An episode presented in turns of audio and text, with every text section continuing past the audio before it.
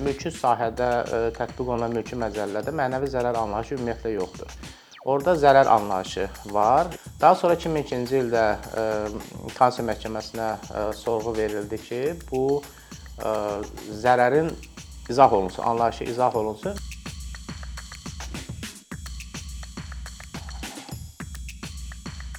İnsanlara vurula bilən zərər e, yalnız fiziki formada olmur, e, mənəvi də ola bilər. Və bəzən mənəvi zərər zərərin fəsadları insan üçün fiziki zərərin fəsadlarından daha ağır ola bilər. Ona görə də məişət səviyyəsində insanların bir-birinə tez-tez dediyi səndən mənəvi təzminat alacağam və ya hüquqi dildə desək, mənəvi zərərə görə kompensasiya alacağam ifadəsi nə dərəcədə mümkündür? Bu haqqda danışacağıq. Qonağımız ə, Vəkillər Kollegiyasının üzvü Fariz Namazlı. Fariz bəy, xoş gəlmisiniz. Xoş gördük. Fariz bəy, ə, mənəvi zərər ümumiyyətlə nədir və Azərbaycan qanunvericiliyində bu haqqda nə deyilir? Mənəvi zərər ə, təəssüf ki, mənəvi zərərin anlayışı qanunvericilikdə əksini tapmayıb. Ə, 2000-ci ildə Azərbaycanda yeni qanunlar ə, külliyyatı qəbul olunduqda, yəni müxtəlif məcəllələr qəbul olunanda, məsələn, mülki sahədə tətbiq olunan mülki məcəllədə mənəvi zərər anlayışı ümumiyyətlə yoxdur. Orada zərər anlayışı var. Yəni bu zərər də nəzərdə tutulub, həm əldən çıxmış fayda kimi, həm də real zərər olaraq müəyyənləşdirilir. Daha sonra 2002-ci ildə Konstitusiya Məhkəməsinə sorğu verildi ki, bu zərərin izah olunsun, anlayışı izah olunsun və Konstitusiya Məhkəməsi mənəvi zərərlə bağlı müəyyən bir ə, normaları müəyyənləşdirdi və ümumi olaraq ə, 2002-ci ildən sonra yanaşma oradan başladı ki, mənəvi zərər şəxsin şərəf və ləyaqətinə, işgüzar nüfuzuna zərbə ə, yəni zərər yetirildikdə mənəvi zərər zərərə görə kompensasiya nəzərdə tutula bilər və mənəvi zərərin özü şəxsin müəyyən bir onun psixikasında müəyyən mənfi reaksiyalara səbəb olması, qeyri-əmlak xarakterli olması ilə ə, izah olundu. Ə, Və daha sonra mənəvi zərərin anlayışı digər qanunverici aktlarında da nəzərdə tutuldu. Məsələn, istehlakçıların hüquqlarının müdafiəsi haqqında qanunda, reklam haqqında qanunda, eyni zamanda şəxsin qanunsuz həbs olunmasına bağlı təhqiqat istintaq orqanlarının qanunsuz səhvləri nəticəsində şəxsə müəyyən zərər yetirilə bilər və burada da bu mənəvi zərər anlayışından istifadə olunur. Yəni şəxsin qeyri-əmlak xarakterli münasibətlərdən irəli gələrək şəxsə mənəvi zərər yetirilə bilər və şəxs hansısa bir qanunsuz hərəkətin və hərəkətsizliyin nəticəsində onun qeyri-əmlak hüquqları pozularsa, bu pozuntunun nəticəsində o mənəvi zərərin əvəzinin ödənilməsini tələb edə bilər. Bəzən amma əmlak münasibətlərindən də irəli gələ bilər. Bəli, həm ə, qeyri-əmlak xarakterli və bəzən də ə, müəyyən əmlak xarakterli münasibətlərdən irəli gələ bilər. Ə, Bəs bu e, şəxsin e, fizik, daha doğrusu psixoloji sarsıntı keçirməsi e, nədə ifadə olunur? Ə, Ali məhkəmə bunu ə, yəni mənəvi zərəri ə, fərqləndirdi. Mənəvi istirab və mənəvi əzab ə, formasında müəyyənləşdirdi. Mənəvi istirab dedikdə şəxsin ə, psixikasında müəyyən mənfi reaksiyalara səbəb olması, yəni hər hansı bir qanunsuz hərəkət və ya hərəkətsizlik nəticəsində şəxsin psixikasında müəyyən mənfi reaksiyalara yəni mənfi reaksiyalara məruz qalırsa, bu mənəvi istirab sayılır. Amma mənəvi əzab isə şəxsin sağlamlığına xəsarət yetirilirsə, bu halda mənəvi əzab əzab yaranır. O baxımdan yəni qanunverici tələb edir ki, e, şəxs ona dəymiş mənəvi zərəri sübut etməlidir. Burada ə, məhkəmələr məsələn mənəvi zərərlə bağlı kompensasiyanı necə müəyyənləşdirirlər? Ə, Yəni ən əvvəl müəyyən olunmalıdır ki, şəxsə hansısa bir qanunsuz hərəkət hərəkət nəticəsində ziyan dəyməlidir, yəni mənəvi ziyan dəyməlidir. Bu ziyanla şəxsə yetirilən bu qanunsuz hərəkət hərəkət arasında səbəbli əlaqə olmalıdır. Yalnız bu hallarda ə, şəxsə mənəvi zərərin əvəzinə görə kompensasiya ə, ödənilməsi müəyyən oluna bilər. Ə, Bəs həmin kompensasiya necə hesablanır? Təəssüf ki, kompensasiyanın konkret olaraq məbləği müəyyən mövcud deyil. Bunu məhkəmələr işin hallarından asılı olaraq müəyyənləşdirir. Yəni burada həm zərərçəkmiş şəxsin yaşı önəmlidir. Təqsirkar şəxsin hansı konkret olaraq hansı hərəkətlərə yol verməsidir. Hadisənin üstündən nə qədər müddət keçib, bu müddət ərzində zərərçəkənin davranışında, psixikasında nə kimi mənfi fəsadlar baş verib. Bütün bu hallar nəzərə alınmalıdır və ondan sonra kompensasiya məbləği müəyyən oluna bilər və bu məbləğ də hər bir işə individual olaraq yanaşılır. Yəni konkret olaraq ola bilər ki, eyni vəziyyətdə bir məsələn işdə kompensasiya daha yüksək təyin oluna bilər, amma digər işdə daha aşağı təyin oluna bilər. Yəni bu hər bir işə fərdi olaraq yanaşma nəticəsində müəyyənləşdirilir. Nümunələr verə bilərsiniz mənəvi zərərlə bağlı müraciət nə vaxt müraciət oluna bilər? Əslində mənəvi zərərlə bağlı iddia müddəti yoxdur. Çünki hər bir tutaq ki, mülki qaydada hansısa bir iddia irəli sürülürsə, onun iddia müddəti müəyyənləşdirilir. Yəni həmin iddia müddəti ərzində məhkəməyə iddia verilməlidir. Əgər iddia müddəti ötürsə, artıq bu həmin şəxsin iddiasının rədd olunmasının əsaslarından biridir. Amma mənəvi zərərlə bağlı, çünki mənəvi zərər qeyri-əmlak xarakterli mübahisələrdən irəli gəldiyinə görə burada iddia müddəti tətbiq olunmur. Amma e, yenə də e, tutaq ki, uzun bir müddət keçdikdən sonra, məsələn, hansısa bir e, hadisə nəticəsində şəxsə mənəvi ziyan dəyibsə, şəxs məsələn vaxtında iddia qaldırmayıb və üstündən tutaq ki, 15 il sonra məhkəmə iddia qaldırsa, məhkəmə artıq burada kompensasiya məbləğini daha aşağı təyin edə bilər. Çünki hadisənin üstündən uzun müddət keçib. Bu müddət ərzində artıq zərər çəkənin tutaq ki, mənəvi psixi inkişafında hər hansı bir mənfi fəsadlar baş verməyib və ya aradan qalxıb bu hallar. Eyni zamanda məhkəmə onu da nəzərə alır ki, əgər həqiqətən də zərər çəkmiş şəxsə tutaq ki, 15 il əvvəl mənəvi ziyan dəymişdisə, həmin vaxtda niyə iddia qaldırmayıb? Əgər zərər çəkən bu iddia qaldırmamasının səbəbini izah edə bilmirsə, bu halda mənəvi ziyanın ziyanla bağlı tələb rədd oluna bilər. Amma Əvvəlki illərdə mənəvi zərərə görə kompensasiya məbləği daha aşağı təyin olunurdu. Məsələn, məndə qəsdən adam öldürmə ilə bağlı cinayət işi olub, yəni zərər çəkmiş şəxsin oğlunu öldürüblər. Məhkəmə ona mənəvi zərərə görə 4000 manat kompensasiya təyin eləyib.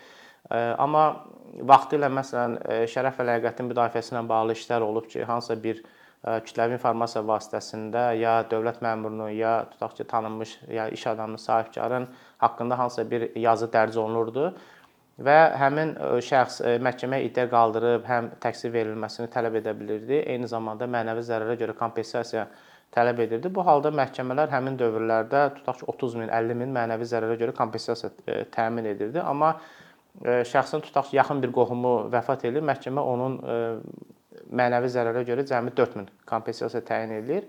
Amma son dövrlər artıq mənəvi zərərə görə kompensasiya məbləği qaldırılır.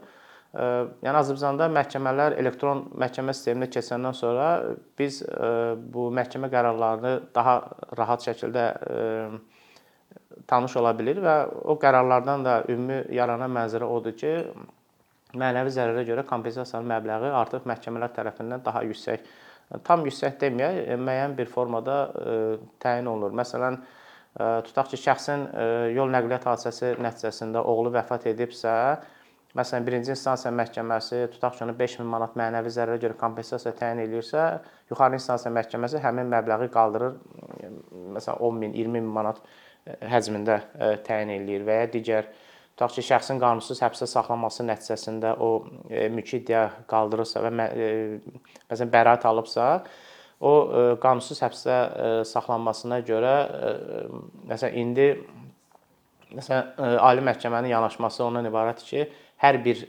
şəxsin hər bir qanunsuz olaraq həbsdə saxlandığı hər ay üçün 1000 manat kompensasiya müəyyənləşdirilməlidir. Tutaq ki, şəxs bir il ərzində həbsdə saxlanılıbsa və bəraət bəraət aldıqdan sonra mənəvi zərərlə bağlı iddia qaldırırsa, ona məntiqən 12000 manat kompensasiya müəyyənləşdirilməlidir. Məhkəmə praktikasında mənəvi zərərlə bağlı ən çox hansı işlər olur? Məhkəmə praktikasında daha çox insanların şərəf və ləyaqətinin və işgüzar nüfuzun ləkələnməsi ilə bağlı mübahisələr olub və bu mübahisələr nəticəsində həmin şəxslər mənəvi zərərin əvəzinin ödənilməsini tələb edirlər. Bundan əlavə məsələn həkim səhvi nəticəsində şəxs öz sağlamlığını itirirsə və ya yaxın qohumunu itirirsə, bunun nəticəsində o mənəvi istirab çəkir, mənəvi sarsıntı çəkir və bunun nəticəsində əvəzi olaraq o məhkəməyə müraciət edərək, edərək çəkilmiş dəymiş mənəvi zərərin əvəzinin ödənilməsini tələb edir. Eyni zamanda şəxs bəraət alırsa, qanunsuz həbsdə saxlanmasına görə məhkəmələrdə iddia qaldırır. Daha çox bu kimi hallarda mənəvi zərərin əvəzi olaraq kompensasiya təyin olunur. Amma müəyyən işlər ola bilər ki, orada məsələn hansısa tutaq ki, bir müqavilə bağlanır, müqavilə nəticəsində şəxs iddia edir ki, məsələn mənə mənəvi zərər dəyib. Burada məhkəmə bəzən olur ki, mənəvi zərərin əvəzinin yəni ödənilməsinə bağlı qətnamə qəbul etmir, iddianı rədd edir və göstərir ki, şəxs mənəvi zərəri sübut edə bilməyib. Çünki qanunverici tələb edir ki, şəxs ona dəymiş mənəvi zərərin sübut etməlidir ki, həqiqətən də o bu hansısa bir qanunsuz hərəkət nəticəsində onun onda müəyyən bir mənfi dəyişikliklər baş verir, mənəvi əzab çəkir, mənəvi istirab çəkir. Amma müəyyən bir hallar var ki, orada məsələn yəni deyirəm məsələn şəxsin bəraət alırsa, yəni burada aydındır ki, bu adam məsələn 1 il ərzində qanunsuz olaraq həbsdə saxlanılıb, o onun həm öz daxilində müəyyən bir mənfi reaksiyalara səbəb olur, həm iş yerindən məhrum olur, ailə münasibətlərindən məhrum olur uzun müddət bir qapalı şəraitdə qalır və təbii ki, burada kompensasiya ödənilməsi mütləq şərtdir. Yəni burada məhkəmə tələb edə bilməz ki, həmin şəxsdən ki, sən mütləq şəkildə bu mənəvi zərəri sübut eləməlisən. Amma müəyyən bir hallar ola bilər ki, orada sübuta ehtiyac olur. Amma məsələn Avropa məhkəməsinin biz yanaşmasına baxsa, Avropa məhkəməsi ümumi olaraq işin hallarından e, irəli gələrək mənəvi zərərlə bağlı kompensasiya müəyyənləşdirə bilər. E, məsələn, e, tutaq ki, şəxsin barəsində hər hansı bir onun xeyrinə çıxmış məhkəmə qətnaməsi icra olunmursa, şəxs Avropa məhkəməsinə müraciət edib mənəvi zərərin ödənilməsini tələb edə bilər və məhkəmə də bunu rahat şəkildə təyin edir. Yəni məhkəmə başa düşür ki, şəxsin barəsində, yəni onun xeyrinə bir məhkəmə qərarı qəbul olunub, bu qərar icra olunmayıb və bu qərarın icra olunmaması nəticəsində şəxsən şəxsən müəyyən bir mənfi reaksiyalar e, baş verib. E, o baxımdan məhkəmə ondan sübut tələb etmir ki, sən mütləq şəkildə sübut e, təqdim etməlisən. Amma maddi zərərlə bağlı vəziyyət başqadır. Burada mütləq şəkildə sübut olmalıdır. Tutaq ki, şəxs hansısa bir əmlakdan məhrum olubsa, əmlakın dəyəri ilə bağlı sübut təqdim etməlidir və ya əldən çıxmış fayda ilə bağlı iddiası varsa, onu sübut etməlidir. Amma mənəvi zərəri o sübut etməyə əslində sübut etməli deyil. Bu ümumi işin hallarından irəli gəlməlidir. Məsələn, Avropa məhkəməsinin praktikasında məsələn Türkiyəyə qarşı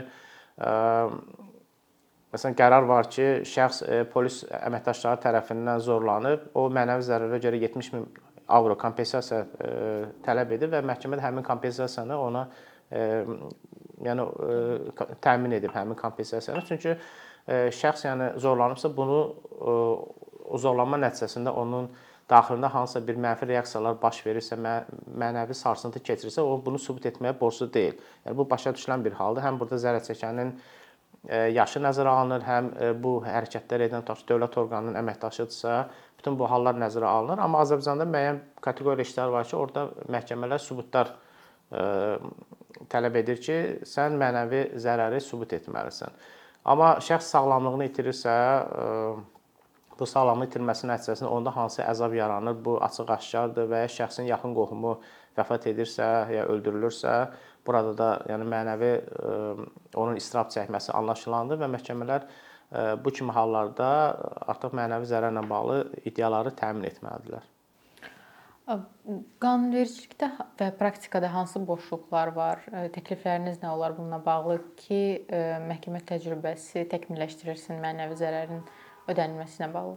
Bayaq da qeyd etdiyim kimi mülki məcəllədə ümumiyyətlə mənəvi zərər anlayışından söhbət açılmır və Konstitusiya məhkəməsi də 2002-ci ildə qərar qəbul edərkən tövsiyə etmişdi ki, yəni Milli Məclisə tövsiyə etmişdi ki, qeyri-anlayış xarakterli münasibətlərdən irəli gələn məsələlər üzrə e, Milli Məclis siyahını müəyyənləşdirsin, yəni mənəvi zərəri hansı hallarda tələb etmək ola bilər, amma indiyə qədər təəssüf ki, bununla bağlı hər hansı bir norma müəyyənləşdirilməyib. Eyni zamanda e, mənəvi zərərin hansı formada e, yaranması, onun hansı münasibətlərdən irəli gəlməsi, məsələn, əmlak xarakterli hansı münasibətlərdə ola bilər mənəvi zərər Yəni bu qanunverici aktlarında mövcud deyil. Bu sadəcə Konstitusiya Məhkəməsinin və Ali Məhkəməsinin qəbul etdiyi qərarlarda öz öz əksini tapıb, amma qanunverici normalarında bununla bağlı hər hansı bir norma yoxdur.